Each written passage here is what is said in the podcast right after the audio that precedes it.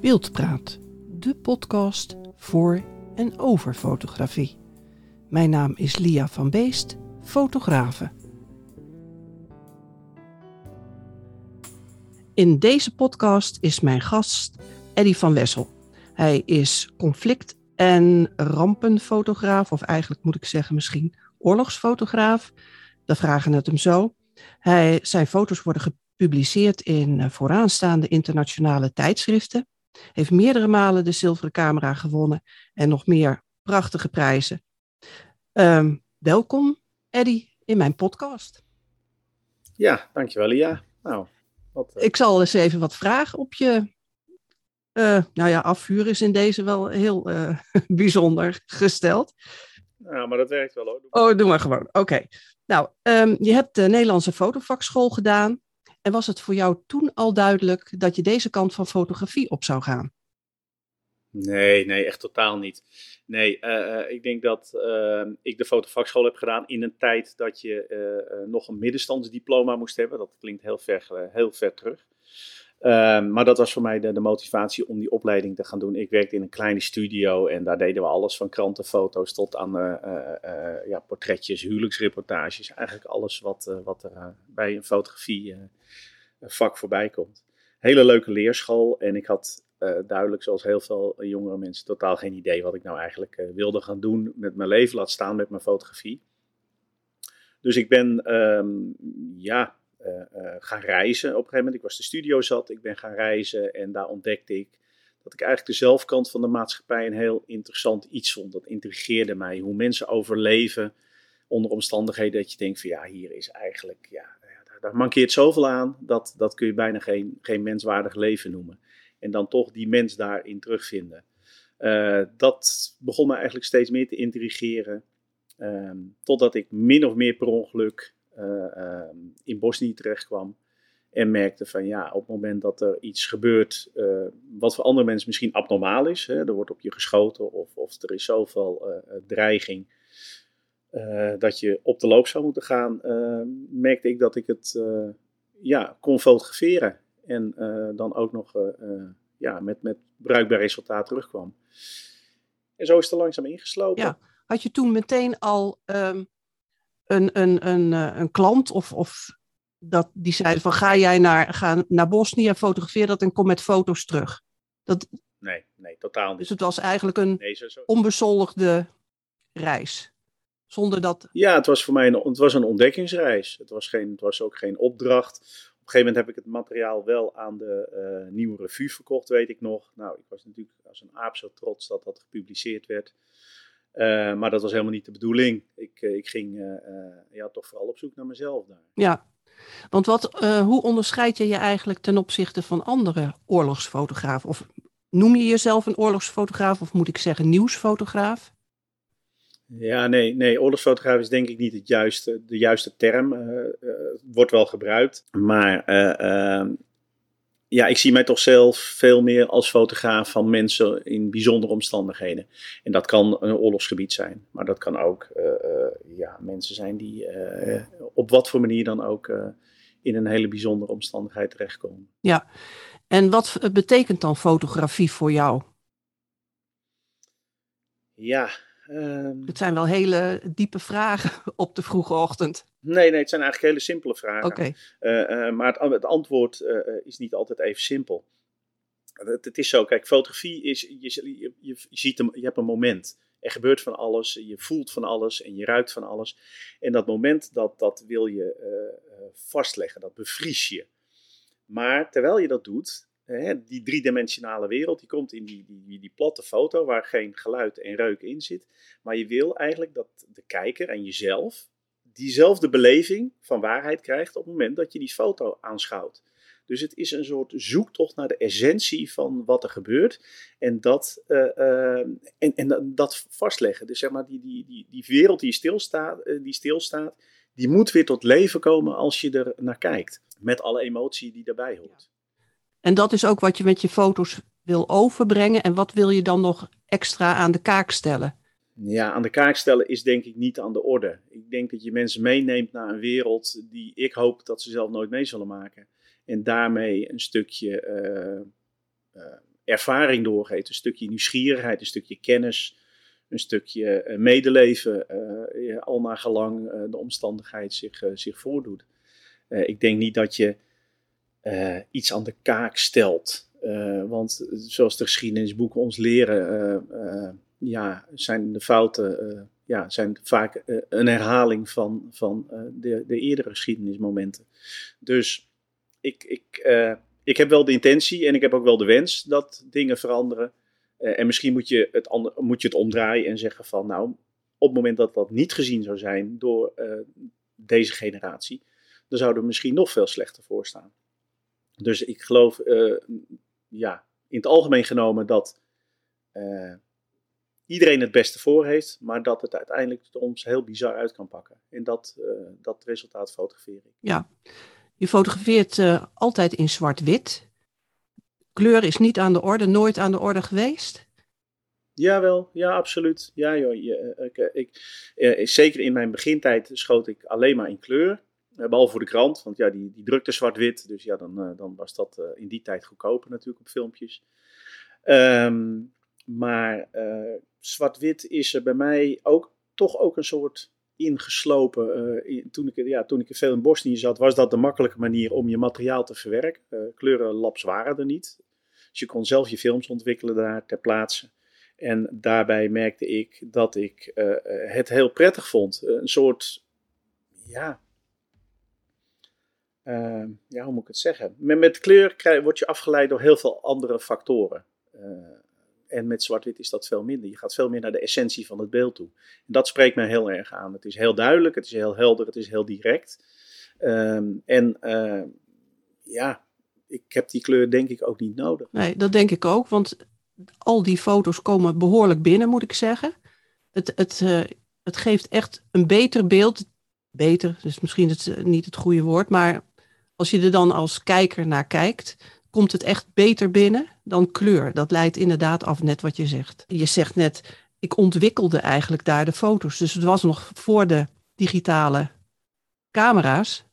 Dus eh, ontwikkelde je dan op locatie daar je, je rolletjes? Ja, ja, je had gewoon een tankje mee en uh, ja, daar, uh, daar deed je het mee. En in die tijd had je wel een van de eerste scanners. Het was een Hasselblad Pixel of Dixel, als ik me goed herinner. Dat ding dat deed er uh, enorm lang over. En dat ging dan via de telefoon, was een soort digitale fax. Uh, waarmee je foto's dan door kon sturen. Het ding was een, was een koffertje, was niet te tillen en kostte volgens mij het bedrag van een, een leuke auto. en daar, ja, dat waren eigenlijk de eerste stuiptrekkingen van, van het digitale tijdperk. Maar werd er nog wel analoog geschoten. Dus je, je ontwikkelde gewoon je films daar. En dat, en dat heb ik heel lang volgehouden. Uh, ik weet nog heel goed dat ik in 2003, uh, maar, tijdens de invasie van de Amerikanen in Irak zat voor Dagblad Trouw. En die hadden mij een, een digitale camera meegegeven, een of andere Nikon of zo. En ik werkte op, uh, op, een, op, een, op een filmcamera. Dus ik had die camera met heel veel dank in ontvangst genomen. Ehm, maar ik schoot alles analoog op film. En op een gegeven moment, ik stuurde mijn foto's door. althans, zo dacht de redactie dat. Die kregen die foto's van mij. Op een gegeven moment zegt die fotoredacteur van ja, ik vind toch dat jouw foto's er een beetje raar uitzien. Wat is dat nou toch? Uh, ik zeg nou, dat komt heel goed uit. Dat kan ik je heel goed uitleggen, want ik ontwikkel mijn filmpjes. En ik plak die, dat filmpje plak ik tegen het raam aan en dan fotografeer ik het met jullie digitale camera. Dus ik scande eigenlijk het negatiefje en dan in Photoshop ja, werd dat een soort van, ja, dat werd eigenlijk best wel, best wel een goed beeld. En daar was uh, ja, die fotoredactie toch wel redelijk gepikeerd over. Want dat ding kostte destijds kennelijk heel veel geld. En ze hadden zoiets van, ja, die gaat voor ons naar Irak. Die moet echt het beste materiaal meenemen. En ik reduceerde die, die dure kamer dus echt tot filmscanner. Uh, en dat was, ja, daar hebben we achteraf al om gelachen. Maar dat vonden ze toen toch al een zure appel. Dus ik heb nog heel lang of analoog gewerkt. tot een paar jaar terug dat ik merkte dat uh, ze op de luchthavens eigenlijk steeds meer uh, X-ray gaan gebruiken. die controles worden steeds intensiever, omdat bijna iedereen digitaal schiet. en toen kreeg ik toch steeds meer problemen daarmee. Dat mijn hooggevoeligere films toch sluier kregen en allerlei effecten. Ehm, ja, en toen ben ik min of meer noodgedwongen overgestapt op digitaal. En als ik het opnieuw zou doen, zou ik misschien nog wel helemaal analoog werken. Ja, En welke camera's neem je nu altijd mee op, uh, op een klus, zou ik maar zeggen? Ja, het is eigenlijk heel simpel. Ik heb twee Leica's, twee M-Leica's, dat zijn meetzoekers. Uh, analoog en digitaal zien er hetzelfde uit, met als verschil dat op de ene een filmpje zit en de andere een chip. Uh, ik weet niet of ik hier een heb staan, dan kan jij meegenieten. Nee, ze staan in de kast. Maar ik neem aan dat je ze kent. Het zijn uh, meetzoekercamera's. Je kijkt dus niet door de lens, maar door een venstertje daarnaast. En wat ik daar fijn aan vind, is dat je heel altijd het contact met je onderwerp houdt. Dus ook als je afdrukt, zie je, um, ja, uh, zie, je, zie je wat je fotografeert. En ook hoe mensen reageren op jou. Uh, ja, je, je, fotografeert vaak met twee ogen open. Dus met één oog kijk je door de camera en met het andere oog kijk je om je heen. Zeker in spannende situaties. Om, om ja, de omgeving ja, af te tasten van ja, kan ik hier staan of moet ik gewoon wegwezen. Uh, ja, ze zijn stil, ze zien er ouderwets uit. Uh, ze doen voor mij wat ze moeten doen. En het kan eigenlijk ieder merk zijn. Weet je, Fuji heeft een variant waar ook een zoekerglaasje in zit. Is ook een prima ding. Het is gewoon een hele persoonlijke keuze. Want het is voor jou niet uh, hoe meer pixels, hoe beter.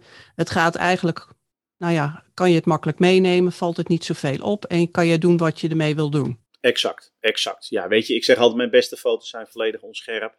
En daar heb je dus niet veel pixels voor nodig. Ik geloof niet dat je, dat je uh, een foto, op het moment dat je naar een scherpte van een foto gaat kijken, dan is het of een, een uh, architectuur of een gedetailleerd iets. Maar als je in de journalistiek naar de scherpte gaat kijken, dan, dan is er iets mis met de inhoud. Um, hoe bereid je je eigenlijk voor op een klus? En hoe ga je dan uh, op die plek te werk? Ik, heb je een uitnodiging of mag je met iemand mee? Of ga je alleen? Of heb je altijd een buddy mee? Nee, Nee, ik zal je nu een voorbeeld geven. Ik ben uh, onlangs uh, in, in Bosnië geweest om een verhaal te maken, uh, maken over vluchtelingen die proberen Europa in te komen. ja, ik, ben in, ja, ik ben in mijn auto gestapt, ik ben erheen gereden, ik ben er een maand gaan zitten. En zo gebeuren eigenlijk, ja, zo, zo, zo, ontwikkelen de meeste van mijn verhalen zich.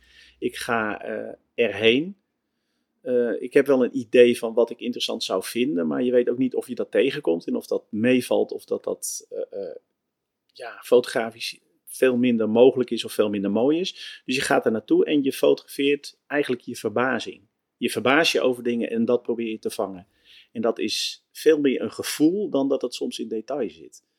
Dus het is heel moeilijk om aan te geven van ik ga naar dat gebied, ik ga dat fotograferen.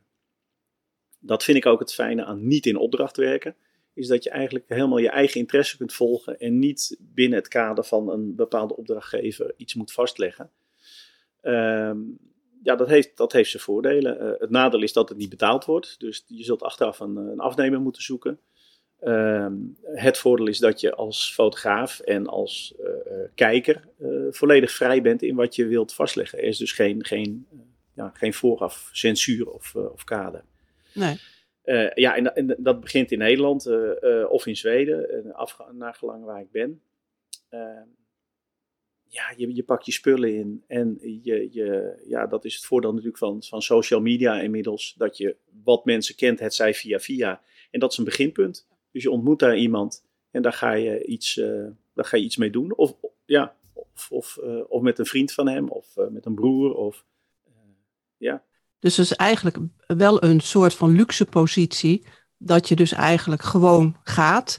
En dan achteraf kijkt van, nou, heb ik afnemers voor mijn foto's? En dat lukt blijkbaar uh, redelijk goed, als ik zo zie wat uh, je cv is. Ja, nou, nou het, ik, ik, noem het geen luxe positie. Ik, ik uh, zou het veel liever hebben dat een redactie tegen mij zegt van... Goh, die ga jij eens gewoon een maand voor ons zitten. En hier heb je van ons carte blanche. Maar die werkelijkheid uh, die bestaat niet. Dus dan, uh, uh, ja, dan, dan creëer je je eigen mogelijkheden. En dat heeft helemaal niets met luxe te maken. Dat is gewoon eigenlijk dat de markt zo verschraald is dat je dingen uit eigen initiatief moet doen die in opdracht zou horen. Ja, want anders dan krijgt niemand het ook te zien waarschijnlijk. Op deze wijze. Exact. Nee, dat, nee, dat was ook een van mijn frustraties tijdens de, de hele corona. Uh, is dat, dat ik ja, eh, berichten hoor en mensen spreek uh, over alles wat er mis is op plekken waar ik normaal kom, uh, maar dat ik daar geen verslag van kan doen. En dat is voor mij ja, eigenlijk wel heel pijnlijk. Ja. Nu, ja. nu heb ik ook een vraag van een oud commando. Die vraagt zich af van ben je wel eens in een situatie geweest dat je foto's maakte En dat je dacht, ik kan beter die camera aan de kant gooien en een wapen pakken en meevechten. Ook omdat je zelf in, ja, eigenlijk uh, in gevaar was. Um, nou, die gedachte, daar, daar, uh, dat is niet helemaal mijn, mijn gedachte. Ik kan dat hem, van hem als, als oud-militair, uh, of misschien zelfs dat hij nog als militair werkt, weet ik niet, maar wel voorstellen.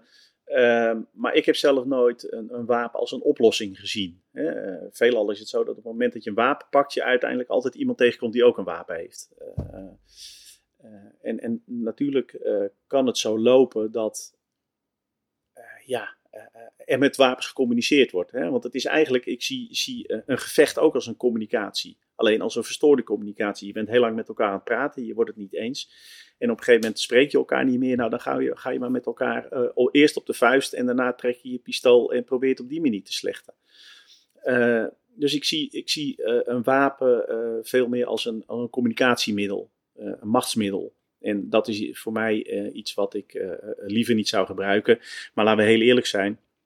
Ik heb de strijd tegen IS heel, van heel dichtbij gevolgd. Echt heel dichtbij.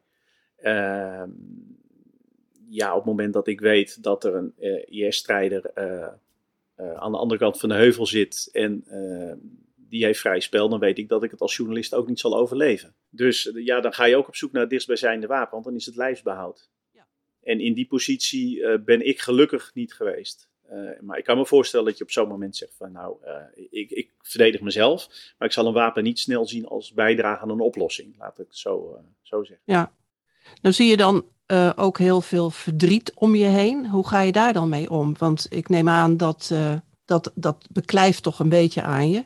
Neem, denk ik. Of kan je die knop zo omzetten dat je als je thuis bent, dat je denkt van nou oké, prima, dat heb ik gezien en die knop is om. Nee, nee zo zwart-wit werkt het helaas niet. Want uh, ja, zeg maar, iedere foto die je maakt, die, die draag je ook letterlijk met je mee. Uh, uh, niet, zo, niet zo dramatisch als dat ik het nu probeer naar je te verwoorden. Maar het is natuurlijk wel zo dat als je twintig jaar in, conflictgebied, je in conflictgebieden beleeft, of beweegt, sorry, dan, ja, dan verandert je dat als persoon. Dat doet iets met je. het besef dat, dat ja, de, de sterfelijkheid en de manier waarop soms uh, vreselijk kan zijn. Nee, ja, dat, dat verandert je. En dat, ja, soms denk je erover na en soms word je er heel verdrietig van. Maar aan de andere kant zie je op dat soort plekken ook vaak de levenskracht die met, dat met niets te vergelijken is. En dat, ja, dat, geeft, dat geeft het toch, toch wel een, een soort van balans. Maar het is, een, het is een belasting, je betaalt een prijs. Denk niet dat je dit soort gebieden uh, doorstruint zonder er als mens uh, moeilijke momenten mee te hebben. Zonder meer, dat, dat is niet dan. Want het heeft je ook gevormd van hoe je nu in het leven staat, denk ik. Ja, zeker. Ja, absoluut. Ja, weet je, ik zie, ik zie een werkelijkheid uh, uh, die heel veel andere mensen niet, niet zien of niet hoeven te zien ook. Uh, maar dat, dat geeft je wel een bepaalde, be, ja, een bepaald besef over, over een aantal dingen en ook wat mensen met elkaar kunnen doen. En, en aan de andere kant is het ook weer zo, kijk, dat als je eenmaal beseft hebt dat mensen elkaar iets aan kunnen doen wat jij en ik niet eens durven te bedenken, uh, dat dan eigenlijk ook alles mogelijk is. Dat de menselijkheid niet, niet, niet binnen die kaders is van de beschaving die wij kennen, uh, maar dat daarbuiten nog een heel spectrum ligt waar we uh, liever niet mee in aanraking komen, maar die er gewoon wel is. Ja. Kun je dan op thuis je, je frustratie of misschien wat je meegemaakt kwijt? Of hou je dat binnen? Of heb je iemand anders waar je dat mee ja, toch doe je, doet, je doet er weinig mee. Dat, is, dat, ja, uh, dat klinkt niet heel therapeutisch, ik weet het. Ik, uh, ik zie je lachen nu. Maar het is zo dat je het gewoon met je meedraagt. En voor mij is het wel heel belangrijk, heb ik gemerkt, dat een verhaal gepubliceerd wordt. Ik zie mezelf als doorgever. Ik ga er naartoe, ik leg iets vast. Mensen stellen zich heel kwetsbaar op. Laten mij dingen zien die, die, die ja, met leven en dood te maken hebben. En ook heel dicht bij hen komen. Zij vertrouwen mij daarin. Dus ik heb voor mijzelf ook een soort van morele verplichting om dat te delen met het publiek. Want ik ben hun stem feitelijk. En ik merk dat op het moment dat ik het niet gepubliceerd krijg, ik uh, veel meer moeite heb met een verhaal dan dat het gedeeld is met uh, eh, 200.000 kijkers. Uh, want dan is het eigenlijk, ja, dan maak ik het jouw probleem of het, het probleem van de kijker. Daarmee is mijn missie soort van volbracht. Maar je hebt in ieder geval wel een thuisfront waar je komt, dat is lekker stabiel. En daar kun je dus uh, gewoon zijn wie je bent. En dan zet je ook alles van je af. Ja, ja dat denk ik wel. Ik, ik heb een, een, een heerlijk gezin met drie, drie inmiddels grote kinderen. Uh, en uh, een hartstikke lieve vrouw die, die meer van mij begrijpt dan dat ik zelf doe. Dus ja, dat is, dat is denk ik wel een voorwaarde. Ja. Wil je het lang, lang genoeg vol kunnen houden. Um, maar zoals um, soldaten in het veld, die komen thuis in hun gezinssituatie of gewoon in hun, in hun normale leven. En die hebben, houden daar wat aan over. PTSS bijvoorbeeld. Ben je niet bang dat dat op de loer ligt? Ja, tuurlijk. Tuurlijk ben ik daar bang voor. Maar ja, ik kan een heel lijstje maken van dingen waar ik bang voor ben. En ze om die reden allemaal niet doen. Maar als ik daardoor de dingen niet ga doen die ik belangrijk vind. Uh, ja, dan moet ik me afvragen wat mijn leven dan nog uh, voor waarde heeft. Als je de essentie uh, van wat je belangrijk vindt niet doet uit angst. Ik zie om me heen op dit moment eigenlijk heel veel dingen uit angst gebeuren. Hè? Niet eens zozeer de angst, de echte angst, maar de angst dat het gebeurt ja, ja, worden we daar beter van? Nee, ik denk niet dat je, dat je van angst beter wordt. Nee, angst is een waarschuwing uh, dat je op moet passen, maar dat wil niet zeggen dat je het niet moet doen. Nee. Heb je ook wel eens gehad dat je een foto gemaakt hebt en die was zo uh, ja, luguber, hoe zeg je het? Dat je dacht van ja, deze stuur ik niet in, dit, dit is te erg. Dat kan ik. Ja, zeker. Ja. Meerdere malen. Meerdere malen. Kan... Ja, ja, kan je een voorbeeld geven? Ja, weet je. Um, ja, zonder te veel in details te gaan. Uh, ik was in. in uh, ja, ik ben bij verschillende bomaanslagen geweest. Waarbij je mensen ja, echt volledig in stukken letterlijk ziet liggen. Ja, dat, dat soort fotografie heeft. vooropgesteld, je legt het wel vast. Het is heel belangrijk dat je het vastlegt. Want als, als ik denk als journalist, fotograaf ter plaatse heb je de plicht, denk ik, om dat te, op te slaan en vast te leggen voor het uh, eventuele nageslacht. Maar uh, of het dan op dat moment ook gepubliceerd moet worden, dat betwijfel ik. Ehm, maar die beslissing ligt ook niet bij mij. Ik denk dat dat ook een redactie moet doen. Mensen die op een andere manier naar een verhaal kijken, ja, die, die kunnen ook meekijken of zo'n beeld wel of niet gepubliceerd kan worden. Ja. Dus ehm, ja, ja, maar die momenten zijn er. Ik heb een, een doos met foto's die uh, jij niet wilt zien. Zeg. Nee. En die foto's, die heb je ook niet dat je die gaat exposeren, dat je toch de mensheid het wil laten zien? Of is het gewoon een zwarte doos die dicht blijft? Um, ik denk dat het aan de geschiedenis is om die beelden te, te publiceren. Kijk, als je, als je nu bijvoorbeeld de beelden neemt van de vernietigingskampen uh, van de Holocaust. Uh, uh, ja, die fotografen die dachten waarschijnlijk hetzelfde als ik toen ze op dat moment op die knop drukten.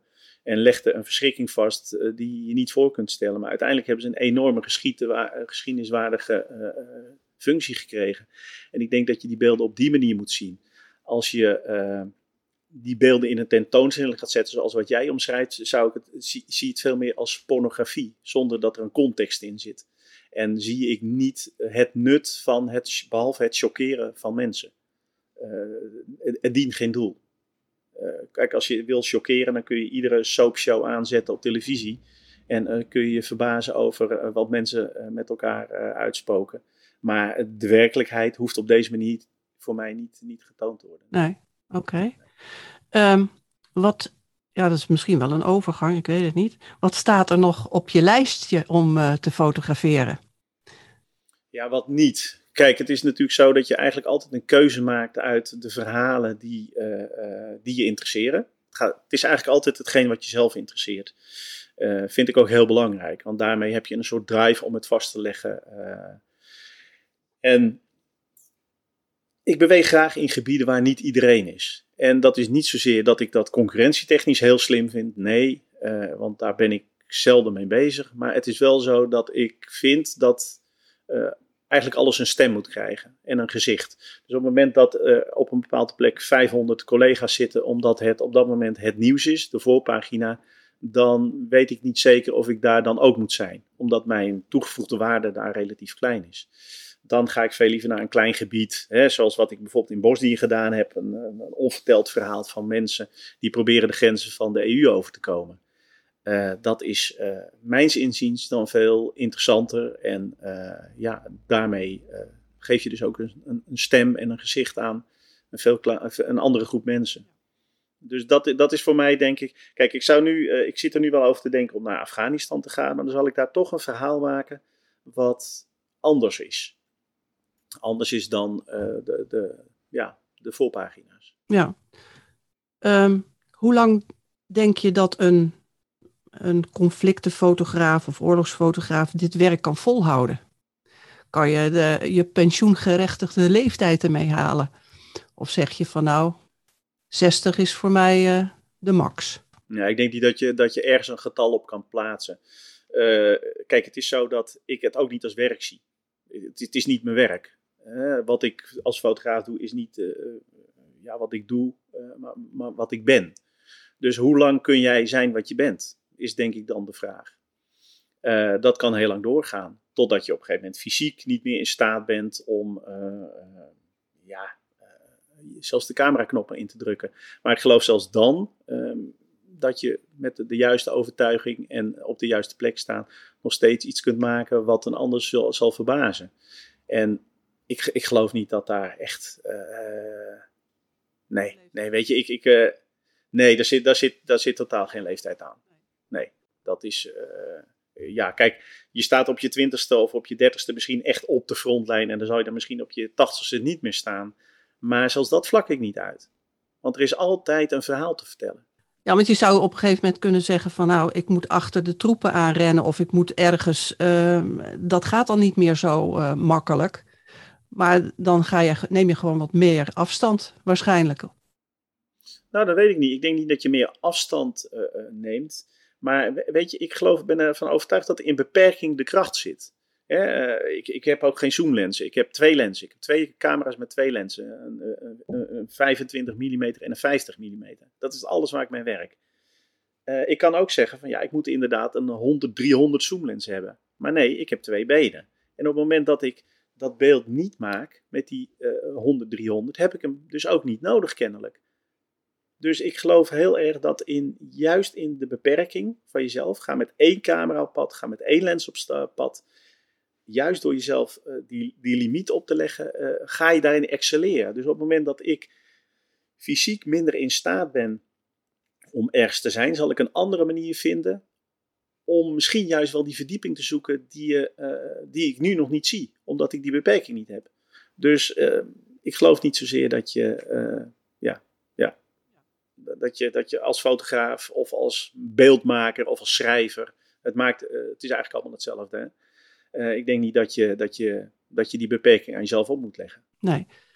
Um, welke footprint wil je als fotograaf achterlaten? Ja, nou, dat, dat, is een, veel, een veelzijdige vraag ook. Omdat je natuurlijk uh, uh, als maker de verbazing en de, de, de, woede van het moment wil, wil, wil delen met de kijker. Maar ik, ik ben wel steeds meer overtuigd dat je uiteindelijk een visueel geschiedschrijver bent. De, de, de dingen gebeuren en daar heb je eigenlijk maar heel weinig invloed op. Dus wat je doet is je legt het vast voor het nageslacht. Uh, dus je schrijft een stukje visuele geschiedenis van een bepaald land of een bepaalde groep mensen. En uh, daarin zijn wij natuurlijk maar een, een, een, heel, klein, heel klein deel van die enorme tijdcyclus die zich al afgespeeld heeft. Dus ik geloof ook niet dat je je eigen, je, jezelf heel belangrijk daarin moet maken. Je bent er een heel klein stukje in en daar kun je iets mee doen omdat je een bepaalde talent hebt, een bepaald een bepaalde kijk. En daar, uh, ja, dat doe je binnen die tijd doe je, doe je, wat, je wat je gegeven wordt.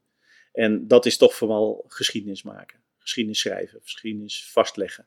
En dan ja, misschien in de toekomst uh, daarmee mensen blijven verbazen. Ja, en wat zou je de fotograaf van tegenwoordig nog mee uh, willen geven? Vooral jezelf zijn. Weet je, het is natuurlijk heel makkelijk om jezelf te spiegelen aan uh, uh, uh, een Salgado, een, een, een, noem het maar. Fantastische fotografen, fantastische mensen. Maar ik denk dat je ehm, naar Instagram, weet je, ik hoef, ik hoef niet eens verder door te gaan. Ik denk dat je vooral jezelf moet zijn. en als je, als je zelf een camera oppakt, heb je altijd een, een uniek beeld. En op het moment dat je een foto maakt die, waarvan je denkt dat een ander hem graag wil zien, dan zit je in de basis al verkeerd. Dus uh, uh, ik, zie heel veel uh, copycat gedrag van, van collega's. overigens prachtig werk, maar het mist, die, mist dat unieke.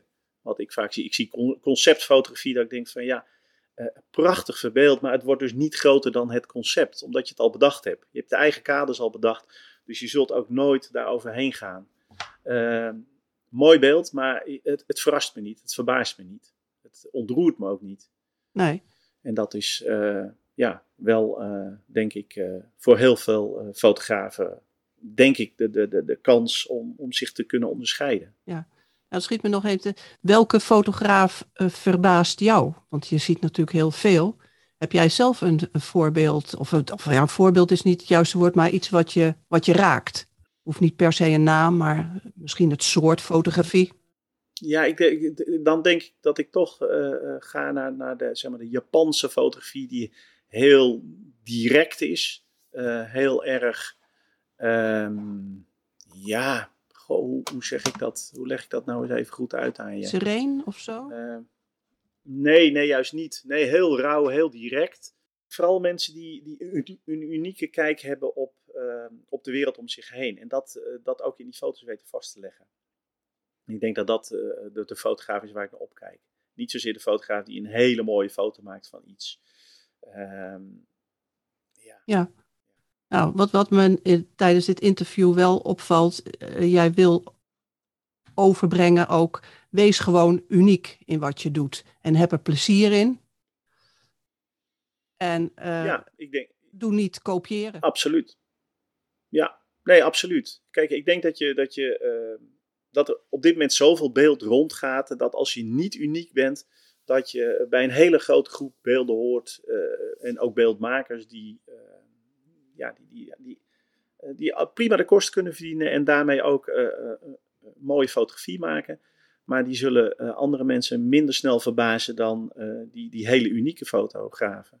En ik denk dat als je wil excelleren in iets, dan zul je iets heel lang moeten doen en heel veel moeten doen. En er eigenlijk ook niet over moet nadenken wat je doet, maar gewoon vooral jezelf zijn.